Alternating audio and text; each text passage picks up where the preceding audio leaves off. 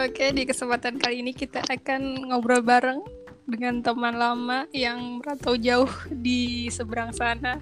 Ina, apa kabar Ina? Assalamualaikum. Waalaikumsalam warahmatullahi wabarakatuh. Nuni, alhamdulillah baik, sehat. Nuni juga gimana kabarnya? Alhamdulillah sehat. Alhamdulillah. Setelah sekian lama ya, Naya. ya. Nggak bertemu. Nggak bertemu, nggak berhubungan. Terus Iya, dihubungi aduh. tiba-tiba suruh podcast. Sesuatu banget nih. iya, makanya kayak aduh, siapa lagi nih? Siapa lagi nih, Wah? Ina, Wah, target, target yang berikutnya nih apa nih? Iya, soalnya kan eh, maksudku aku lagi apa sih ya? Kayak buat ngisi waktu luang aja. Jadi kayak apa nih buat apa ya yang biar seru-seruan gitu. Bagus lah kesibukannya. gitu. Sip. Insya Allah Iyalah. bermanfaat. Amin.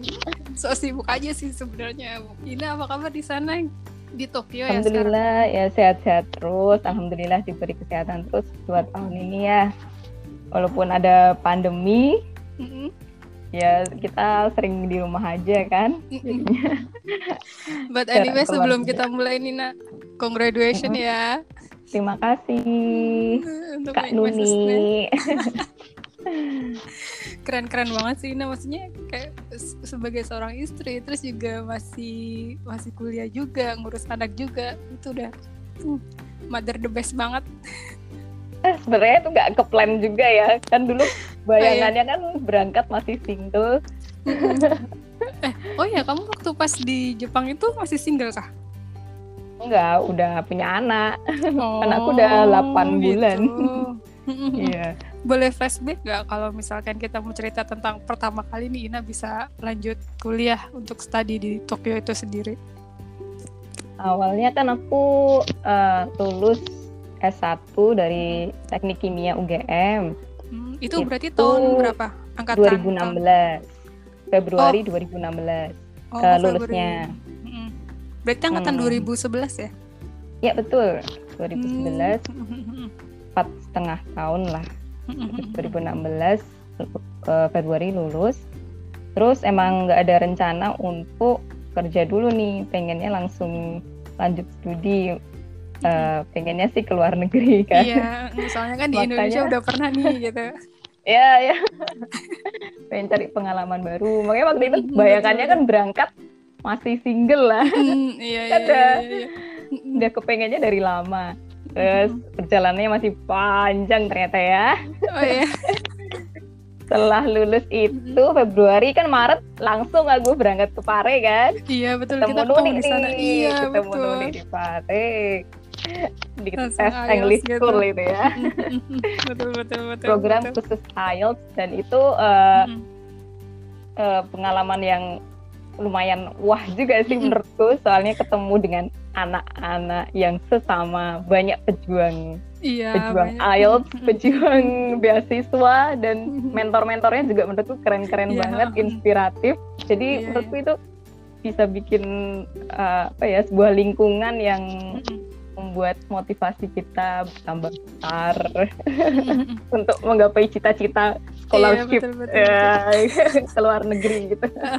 dan di situ kayak tempatnya ya memang memang ketat sih kalau menurutku kan aku sebelumnya juga pernah ikut program yang lain kan kalau yang program yang lain masih Mhm. banyak celahnya kalau di situ kayak bener-bener oke gue pengen kuliah nih ke di luar negeri terus bang bener-bener digojlokin terus gitu maksudnya uh, Iya, iya, aktivitas iya.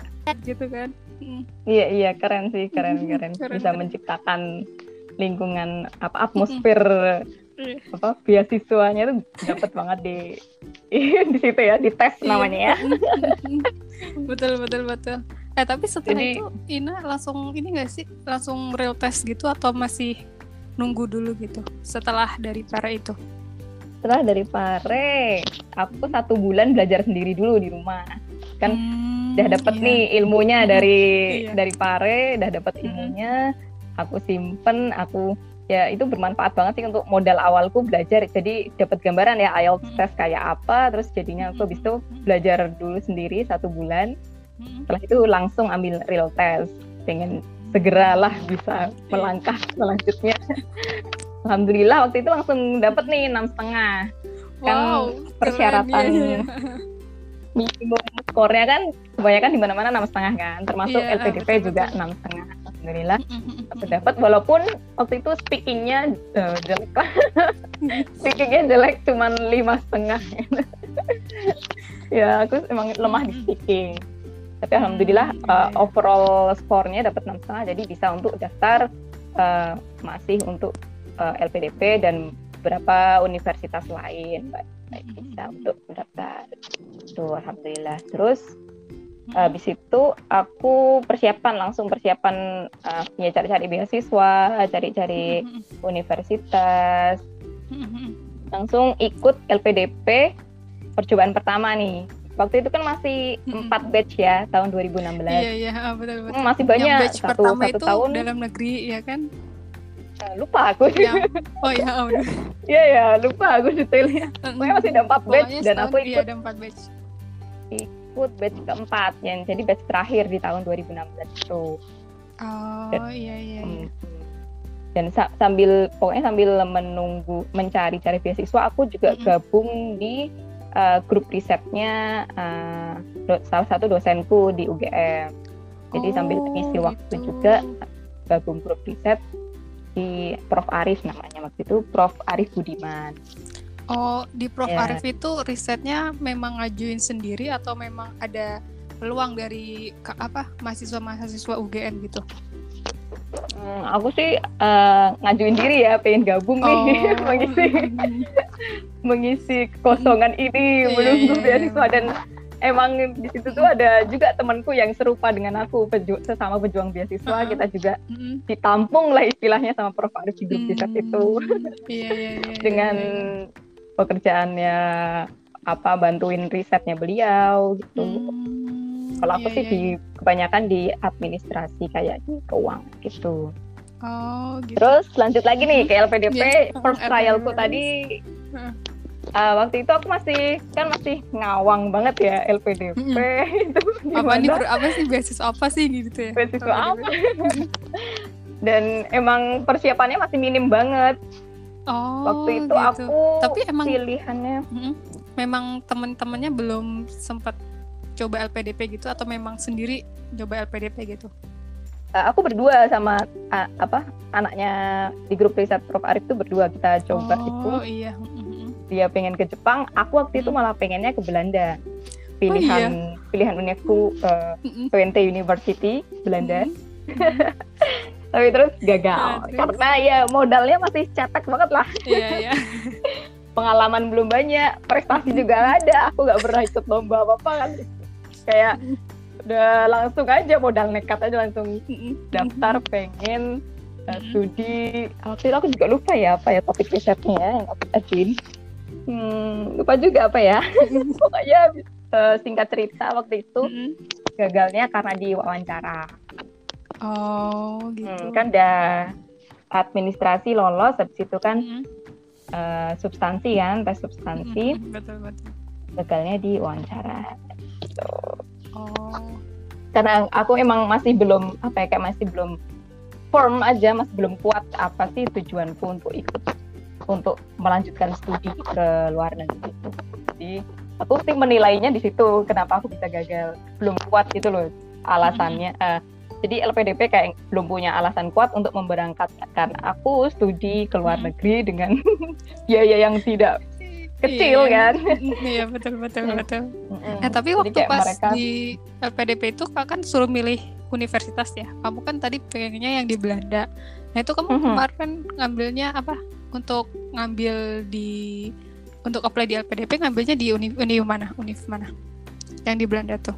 Eh, Twente Twente University Oh, Twente University. Mm-mm. Sustainable Development gitulah Mm-mm. Mhm. Soalnya kan waktu itu aku juga eh, kayak ketemu sama agennya Twente University dan Oh. mudah gitu loh mudah untuk dapetin LOA dari sana itu prosesnya. Jadi aku Hmm. ya udah pakai itu pakai itu dulu ah yang penting yang penting keluar negeri gitu.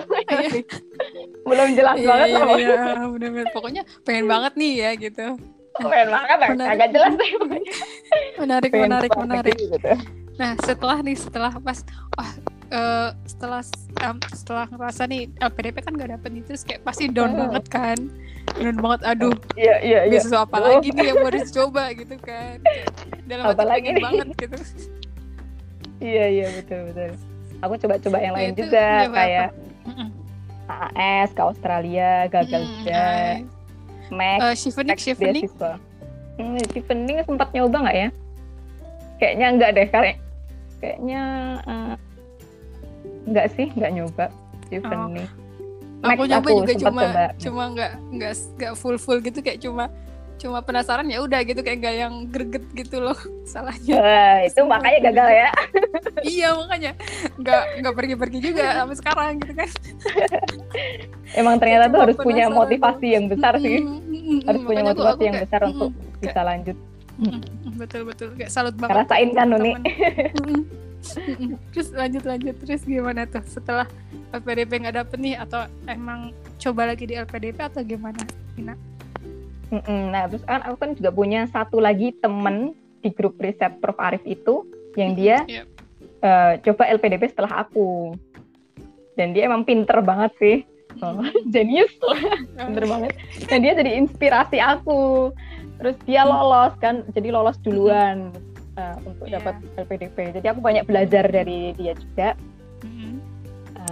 Gimana sih eh, untuk bisa lolos itu tips triknya di LPDP. mm, Aku juga menyadari kesalahanku kan di percobaan Iya. pertama LPDP itu kenapa aku bisa gagal, motivasiku belum kuat, Iya, tujuanku betul, juga betul. belum terlalu meyakinkan, belum kontribusinya untuk negara Dari itu tuh belum terlalu gitu ya. eh, eh, eh, belum terlalu jelas. Jadi aku eh, menyadari lah kalau LPDP itu mencari se- apa orang-orang yang mau eh, berkontribusi untuk negara dan bisa menyesuaikan dengan backgroundnya masing-masing dan nanti dengan studi eh, studi keluar negerinya itu bisa berkontribusi untuk ke depannya untuk Indonesia. Jadi itu sih yang dicari LPDP. Iya iya Terus iya. ah, aku juga banyak belajar dari temanku itu kan, lihat baca-baca, baca-baca kayak isainya gitu-gitu. Terus, Iya iya. iya. Oh jadi gini ya. Jadi emang harus meyakinkan banget dari awal kita bikin isai aja itu kita tuh harus udah harus greget gitu. Iya, intinya Udah intinya kita jelas harus lah. jelas gitu. Kita Jelas ini, dan ini, meyakinkan. kontribusinya apa. betul betul betul betul. meyakinkan. Tuh, terus sama menurutku eh, komunikasi dengan kampus yang mau kita tuju itu juga penting sih. Oh iya. Nah, walaupun aku waktu itu belum ada LOE ya, tapi aku waktu itu alhamdulillah dibantu sama Prof Arif Mm-mm. untuk eh, berhubungan dengan eh, Tokyo Tech, jadi Tokyo Institute of Technology, kampusku yang Hmm. sekarang ini. Iya. Beliau kan alumni sana dan Mm-mm. aku emang kayak diarahkan gitu lah istilahnya ke sana. Oh, jadi, Jadi- kamu memilih di Tokyo ini karena eh, saran dari beliau Prof Arif ini. Sebenarnya eh, gimana ya? Beliau nggak menyuruh banget sih, cuman Mm-mm. aku eh, kayak wah ada peluang nih di sini dengan Oh. adanya Prof Arif itu. Mm-mm. eh, beliau menghubungkan gitu, membantu membantuku lah untuk bisa terhubung dengan eh, sensei di sana, dosen di Oh. Tokoda ini. Terus Iya, iya, jadi menarik, beliau menarik. sempat- beliau kan tiap tahun ke Jepang. Jadi Mm. terus waktu itu waktu aku mau daftar LPDP yang kedua Mm-mm. di tahun 2017, Mm-mm. beliau tuh pas banget di Jepang dan ke Tokoda ini kan. Terus Mm-mm. uh, beliau ngasih uh, ya kayak uh, surat rekomendasi dari salah satu sensei gitu. Itu aku, bekal aku nanti di wawancara LPDP ku yang kedua ini. Oh, berarti yang untuk yang Tokyo ini kayak udah jelas ini intinya udah jelas, jadi arah, gitu ya. arahnya udah jelas. Terus Mm-mm. aku juga sebelum tes LPDP yang kedua ini Mm-mm. uh, uh, udah mm, kayak ikut volunteer project di Bawean. Bawean tuh pulau kecil, salah satu pulau kecil di atasnya Jawa Timur itu. Oh, Bawean. Iya, iya, Iya, iya. ah, Bawean. Tahu, tahu, tahu. Daerah Madura Nah. bukan sih ya? Mm, Bawean. ke atas iya iya Madura ke atas pokoknya Mm. nyempil di atas Mm. kecil gitu kan Itu Nah, untuk kita- project apa? volunteer project jadi ada satu, Oh. suatu komunitas namanya. Bumihara mereka. Tentang pengelolaan sampah di pulau di pulau-pulau kecil di Indonesia dan aku ikut di sana. Terus Ah, itu juga, oke, oke. uh, menjadi salah satu pengalaman yang memperkuat uh, motivasiku untuk uh, lanjut studi ke luar negeri dan untuk memperkuat aku di wawancara LPDP ini. Jadi udah jelas aku tuh nanti projectnya eh researchnya tuh mau tentang uh, kayak pengolahan sampah menjadi energi. Karena di pulau-pulau kecil di Indonesia itu problemnya itu yang paling utama sampah. Kan mereka kesulitan Iya, ya betul, untuk mengelola sampah itu membuang sampah itu di eh, di kayak kelihatan banget di lautnya di pantainya tuh banyak banget berserakan sampah dan Hmm. kesusahan lah untuk mengolah sampah.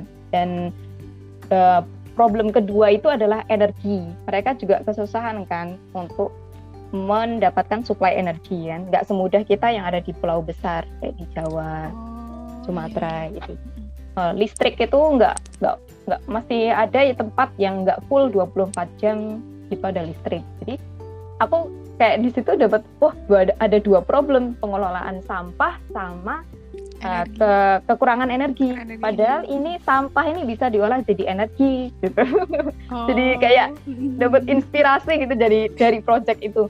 Sampah bisa jadi Mm, energi benar. loh padahal sampah itu bisa diolah menjadi listrik. Dan dari situ aku uh, dapat ide kan, dapat ide dari project ini.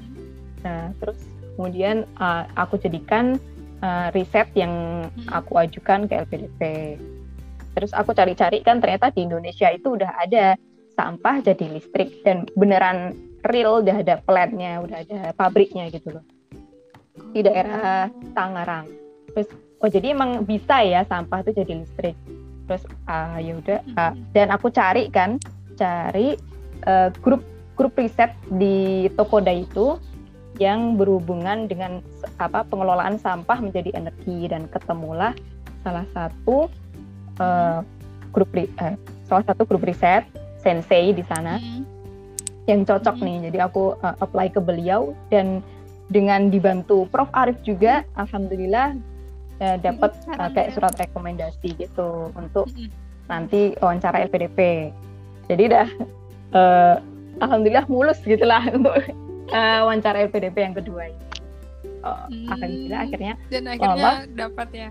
Kalau mm-mm, di LPDP tahun 2017 uh, bulan Oktober. Waktu itu di tahun 2017 itu cuma ada satu batch satu batch LPDP untuk keberangkatan tahun 2018.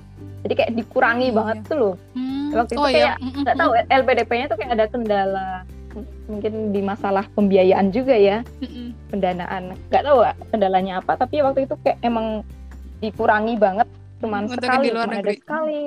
Mm-mm, cuman ada sekali. Alhamdulillahnya waktu itu lolos. Walaupun masih tanpa LOE, baru cuman re- surat rekomendasi dari sensei. Oh, Waktu berarti, itu masih belum ada. LOE. Berarti kamu dapat LPDP tapi tanpa LOE dari kampus, tapi baru dapat rekomendasi dari sensei yang di kampus itu. Mm-mm, dan itu rekomendasi itu aku tunjukin waktu wawancara, Wawancara. LPDP itu. Jadi Oh. Nah, alhamdulillah lumayan meyakinkan para interviewer. lumayan meyakinkan dan eh, ya menarik, menarik. singkat cerita lolos. Jadi Mhm. habis itu hmm, lolos LPDP dan Mhm. itu waktu itu aku posisinya udah di khidbah nih. Wah, Oh iya, masya lolos Allah. LPDP Oktober udah di. Keren, eh keren. udah di khidbah belum ya? Eh belum belum belum. Kayaknya November. November Oh. November. Bulan Nah, berarti depannya baru. sebelum sebelum Hmm. keberangkatan udah di khidbah. Dan calonmu itu jangan-jangan juga relate sama yang Profesor Arif Syarif juga? Eh, Oh enggak. enggak, enggak, enggak. Jadi Atau emang udah itu study di sana? backgroundnya sangat eh, berbeda jauh dari aku. iya. ya kita ketemunya jadi di masjid, di masjid perumahanku. Mm-mm. Beliau eh, kayak marbot gitu istilahnya kan. Marbot tinggal di masjid di perumahanku dan ketemu di masjid. Ya udah. Habis itu langsung habis lolos jodoh ya Allah, langsung langsung gitu iya. ya. langsung cepet aja prosesnya. Habis lolos LPDP langsung khidbah, habis itu Februari langsung nikah. Nikah habis itu alhamdulillah eh, langsung dikaruniai eh, kehamilan. Mm. Oh. jadi nikah Februari uh, satu bulan kemudian lah. Aku hamil terus uh, tahun 2018 kan itu Februari nikah.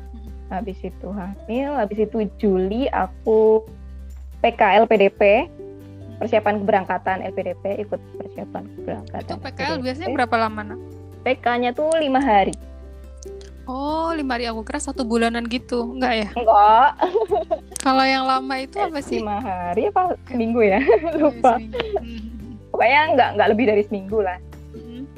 Mm-mm, alhamdulillah nggak lama-lama banget dan itu aku posisinya lagi hamil dan masih mual-mualnya itu jadi Mm. makan di Aduh. sana juga nggak selera dikiranya aku sakit kenapa Struggle Nah, banget ya. aku lagi hamil sampai ada yang nyamperin kamu kenapa sakit po nggak aku lagi hamil jadi ya itulah dikali seru, seru, seru, menarik, menarik. Dan akhirnya apa su- suami juga dibawa ke Tokyo itu. Wah dibawa masih panjang nih Oh masih panjang. Terus gimana nih? Seru, seru, seru. jadi pas PK itu PK aku itu juga istimewa loh jadi kita tuh diundur undur undur kita tuh kayak digantung gitu kapan nih PK nggak Oh. nggak jadwalnya tuh nggak jelas itu dari LPDP itu waktu itu diundur undur undur Hmm. ya kan eh, LPDP itu kayak punya kebijakan sendiri ya jadi kita emang benar-benar tergantung eh, pihak LPDP-nya kapannya terus eh, kebijaksanaannya juga bisa berganti-ganti. Jadi selama belum tanda tangan kontrak itu kayak belum tenang gitu rasanya. Dan kan kalau Iya, tanda iya, tangan kontrak itu kan setelah PK setelah PK selesai baru kita tanda tangan kontrak dan dapat kayak uh, letter of recommendation from LPDP untuk Mm-mm. uh, bisa untuk daftar univnya gitu cari ini. Oh gitu. Hmm, terus aku Desember lahiran kan lahiran anakku Mm-mm. baru Oh, mm-mm. jadi masuk. untungnya untungnya di yang di LPDP diundur diri ini, jadi kamu bisa untuk lahiran di rumah gitu. Alhamdulillah Itu kayaknya emang Alhamdulillah. Iya, jalannya pada dari Allah banget. ya. Ya Allah. jalannya dari Allah kayaknya aku nih belum sanggup nih kalau misalnya Iya, nanti kalau lahiran di hamil. Jepang apa gimana? Jadi dikasihnya sama Allah ditunda tunda tunda ditunda. Nanti kalau anaknya udah gedean baru berangkat. Semua udah Iya, gue iya, udah diatur sama Allah. Ya, Iya. alhamdulillah pokoknya. Nah, terus Jadi, Seru-seru, nih menarik menarik banget. Aku nggak tahu nih ceritanya soalnya kan kita jarang jarang telepon teleponan jarang kontak ya aku juga belum belum pernah cerita detail sih ke orang lain. Oh iya. Jadi Desember Desember lahiran anak pertama alhamdulillah Iya. normal. Laki-laki anakku terus 2019 baru ngurus kayak uh, LOE itu kan untuk mendaftar universitas. Waktu itu juga sempat uh, intake-nya kapan ya? April atau September? Kan bisa April bisa September. Terus sebenarnya aku bisa yang berangkat April nih. Tapi uh, anakku masih kecil. Ya udahlah tunda aja lagi. Sampai September. Kan suamiku juga waktu itu melanjutkan studi S2 kan di Jogja di UII jurusan pendidikan agama Islam. Jadi aku nanti kalau misalnya uh, berangkat April masih suamiku masih studi terus aku di sana Mm. cuman berdua sama anakku sama baby aduh antar Aduh, udah. banget. Di- jadi nunda untuk yang berangkat September. Jadi lama ya itu prosesnya ya. Iya, hampir dapat LPDP kan. 2017 berangkannya baru September 2019 2018 19 Hmm, dua satu tahun lebih dua tahun. Dua tahun jaraknya dari dapat LPDP itu hikmahnya ya itulah. Pasti ada hikmah di balik semua iya kejadian. iya. Iya alhamdulillah. Pokoknya Allah tuh udah mengatur ap- rencana terbaik untuk tiap hambanya. Jadi udah tahu lah batas batas kekuatan dan kemampuan hambanya. Aku tuh kuat nggak sih? Kalau Iya, misalnya. Kalau misalnya aku nanti kayak gini gini gini udah udah diatur Iya, iya, sama iya. Allah.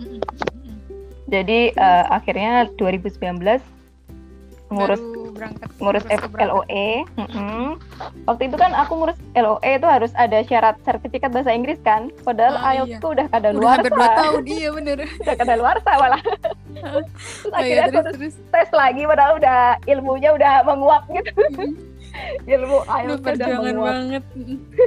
jadi Terus, tes lagi tapi aku alhamdulillah kan Jepang ya jadi Jepang tuh nggak terlalu yang mensyaratkan skor tinggi dan harus IELTS jadi aku beralih ke tes lain namanya TOEIC. Tes TOEIC Oh, TOEIC. yang Iya. alhamdulillah itu lebih mudah lah karena itu isinya pilihan ganda semua. Pilihan ganda semua. Jadi kayak reading eh, reading sama listening doang ya. Iya reading sama listening. Cuman dua itu dan itu pilihan ganda dan dan bisa untuk mendaftar eh, Tokodai kampusku yang sekarang Nah, untuk Jadi- yang dan mereka sama TOEFL itu beda nggak sih? Beda beda. Jadi TOEFL tuh kayak lebih apa ya lebih terkenal ya. Lebih diterima secara luas. Lebih ter- diterima secara global. Kalau TOEIC kayaknya nggak terlalu banyak. Tapi Jepang ini eh, alhamdulillah menerima. Karena kan Hmm. Jepang tuh sebenarnya nggak terlalu yang bahasa Inggris banget. Karena Jepang itu juga negara yang eh, Japanese banget ya Berarti jadi warga udah, udah warganya ya pun nggak bisa Jepang? bahasa Inggris warga biasa di Jepang tuh nggak bisa bahasa Inggris sama sekali Aduh. ya eh, belum belum bahasa Jepangku masih tetek susah ya bahasa Jepang Iya. Paling cuma nani gitu. hai hai, kecil daso. iya iya arigatou gozaimashita Iya gitu deh. Konnichiwa Oke, oke, iya konnichiwa, konnichiwa. Oke, lanjut lanjutin nak yang setelah SP, LPDP nih. iya jadi 2019 nih baru mau berangkat. Mm-mm. mm, dapat tes TOEIC itu udah langsung eh, langsung untuk daftar eh, Tokodai dan dapat eh, intake September kan intake September terus aku hmm, eh, ada kendala lagi nih Oh lagi ya. mau berangkat Hmm? Apa tuh namanya ngurus visa ngurus visa ke Jakarta. Hmm. ada kendala lagi. Waktu itu kan eh, Jepang itu pokoknya eh, kalau di paspor itu kan ada kayak halaman endorsement tahu kan? Ah, halaman iya. endorsement. Jadi kayak ada tambahan nama gitu loh. Kalau misalnya mau ke Saudi Arabia mau umroh Oh, atau itu kalau- Oh, oh, kan namaku kan cuma dua. Saudi Arabia itu kan harus tiga kan. Waktu itu aku ada rencana mau umroh tapi nggak jadi. Pokoknya udah dulu itu udah dulu kena kasus first travel itu. Salah satu mm, Iya iya iya. salah satu kasus eh, umroh itu yang nggak jadi itu. Terus jadi aku ada tambahan nama udah udah terlanjur ada tambahan nama di halaman endorsementku itu. Dan Jepang tuh nggak mau menerima nama yang berbeda dengan apa tuh namanya dengan halaman depan. Halaman Iya. depanku sama endorsement itu beda kan? Jadi eh, apa namanya ada kendala lagi lah pokoknya di situ. Terus aku harus eh, akhirnya balik lagi ke Jogja bikin paspor baru. Dalam bikin paspor baru itu nunggu juga. lagi kan? Mm-mm, nunggu- lama nunggu setahu iya butuh mingguan. waktu. Mm-mm. jadi aku akhirnya mundur. Singkat cerita aku akhirnya berangkatnya baru Oktober awal tuh baru bisa berangkat ke Jepang Tapi dari kampusnya sendiri itu intake-nya per bulan apa? September. Mm-mm, harusnya sih 25 September itu udah Mm-mm. di Jepang ya waktu itu udah ada kayak opening ceremony, gitu. Hmm, tapi karena aku ada kendala jadi nggak apa-apa berangkat Oktober dan aku kayak mem- meng- mengkosongkan kuliahku di kuarter pertama. Jadi alhamdulillahnya di Jepang itu pakainya sistem kuarter, sistem apa tuh namanya eh, mata kuliahnya. Jadi satu semester kalau di tempat kita kan semester ya, di Jepang ini satu semester masih dibagi dua lagi. Oh. Jadi ada gitu. satu semester isinya dua kuarter. Jadi nggak terlalu eh, lama lah untuk menunggu ke kuarter berikutnya. Jadi kayak setengah semester setengah semester gitu. Nah aku mengkosongkan di eh, kuliahku di kuarter pertama karena aku udah terlambat kan berangkatnya. Ya, aku berangkat waktu itu sama ibuku karena bawa baby, bawa baby dan eh, suamiku waktu itu belum selesai, masih tinggal tesis, tinggal tesis Oh, tinggal ya terakhir lah. Allah. Perjuangan Sama banget ibuku dulu. LDR.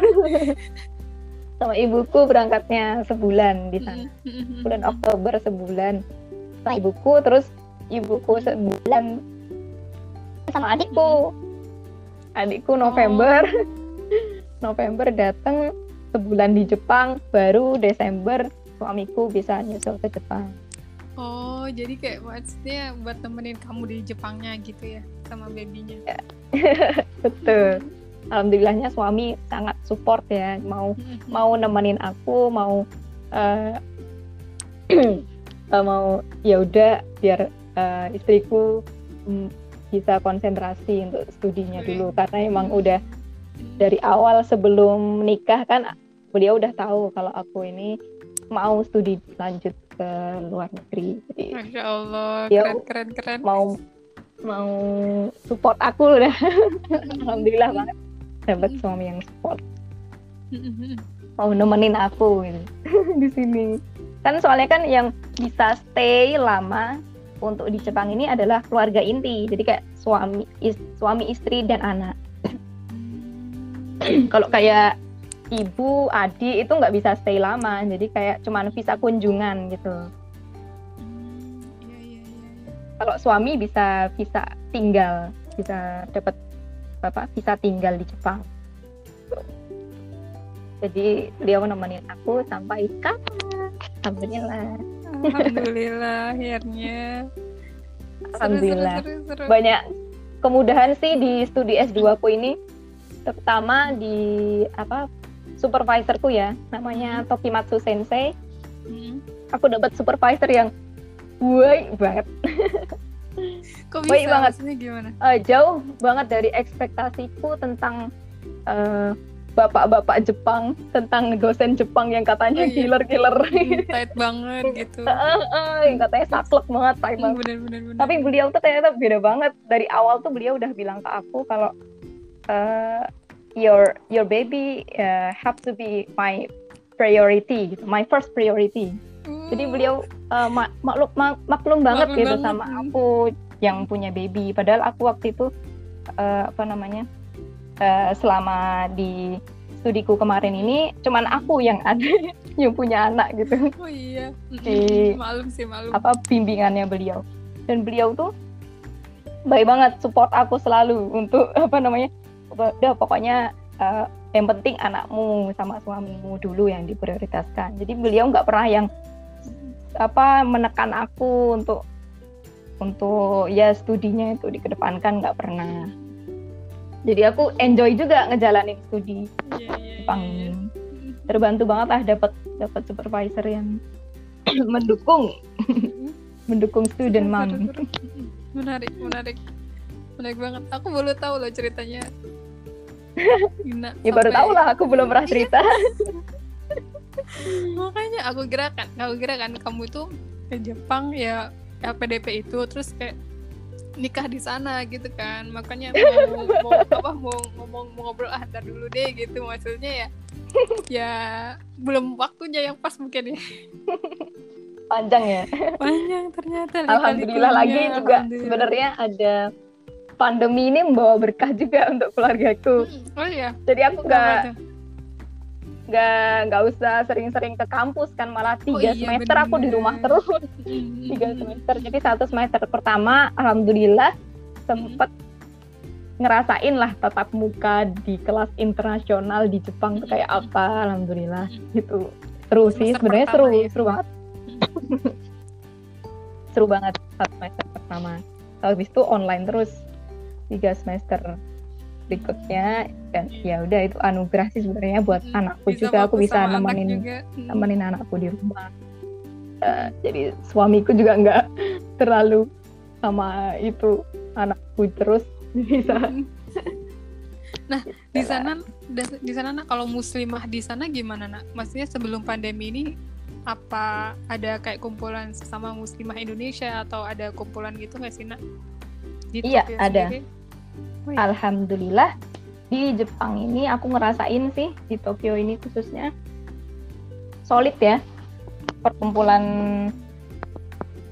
uh, muslimahnya. Kalau aku khususnya sih di Tokodai kan di kampusku jadi ya, ya jelas ikut komunitas muslimah di Tokodai dan ada pengajian rutin tiap bulan waktu itu sempat ikut tatap muka sekali, ikut pengajian sekali. Habis itu pandemi ya udah online. Hmm, iya iya seru seru. seru. Menurutku Mm-mm. Islam Islam di Jepang tuh eh, gimana ya? Aku nggak tahu sih ngerasainnya, tapi kok anak-anak Muslimnya tuh kayak eh, Kenapa? tuh? wah aja gimana ya? Oh. Islamnya tuh bagus gitu loh. Memang kuat gitu ya. Islamnya bagus. Karena tahu ke sana- anak-anak di Jepang ini Islamnya tuh bagus. Menurutku ya pandanganku melihat Oh. anak. Karena Indonesia mungkin di, sana orangnya disiplin juga pertama ya kan. Karena lingkungannya iya. lingkungan disiplin di sana. Terus yang Iya, kedua iya, karena iya, iya. minoritas juga kalau minoritas biasanya lebih kuat sih untuk untuk Iya, iya. akidahnya gitu. Mm-mm. Iya, iya, betul. Iya kan?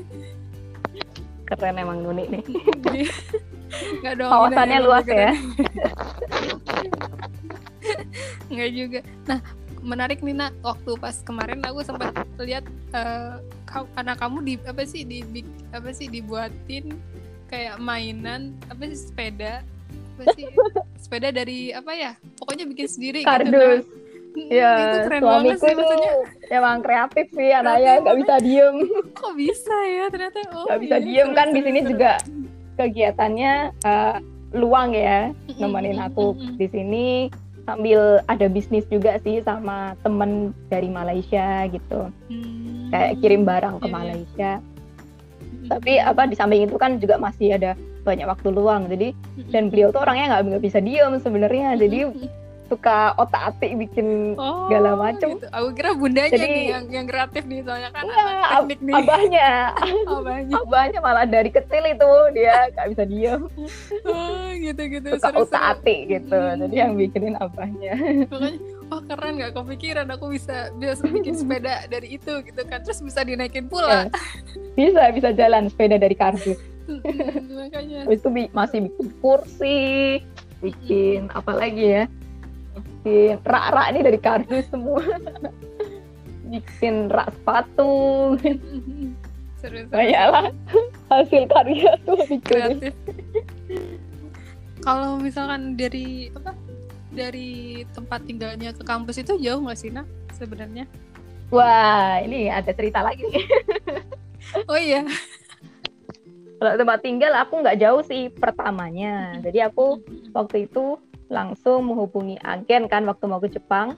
Menghubungi agen Apato ya di sini apartemen disebut Apato.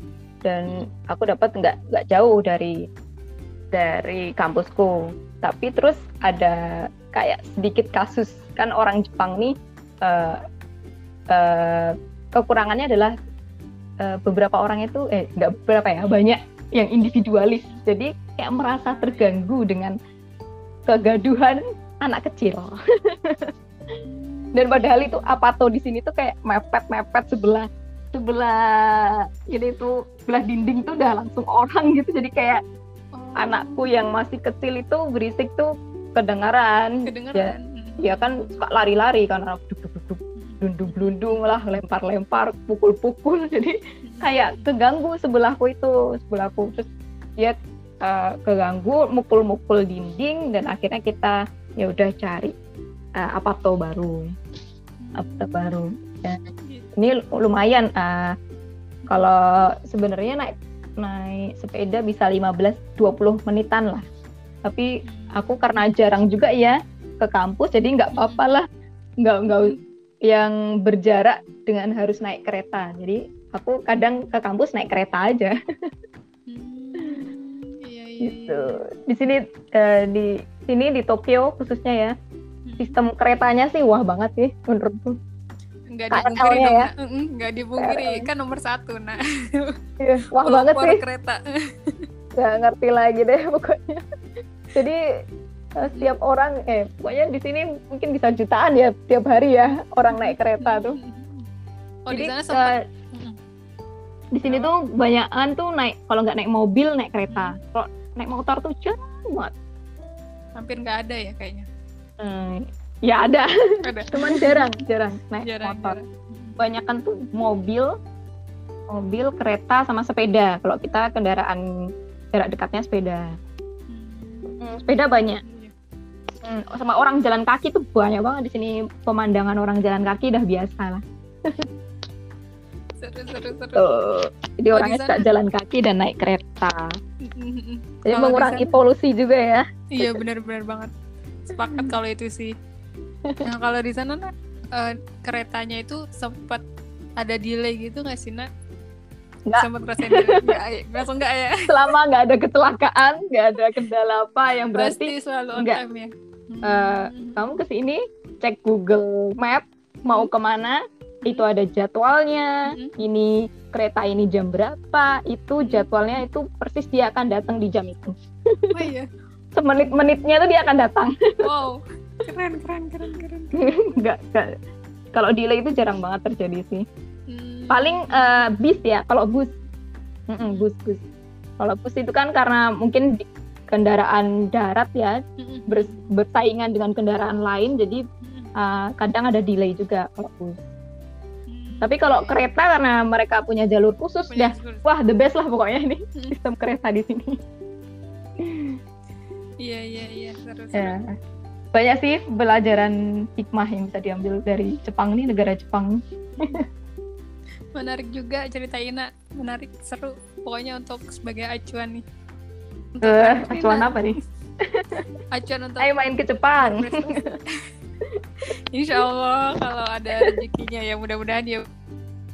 Amin.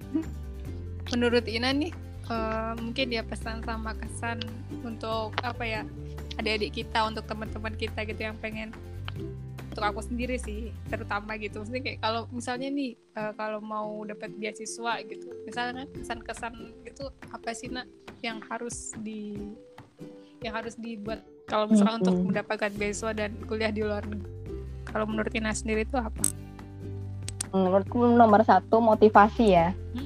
Motivasinya itu harus kuat.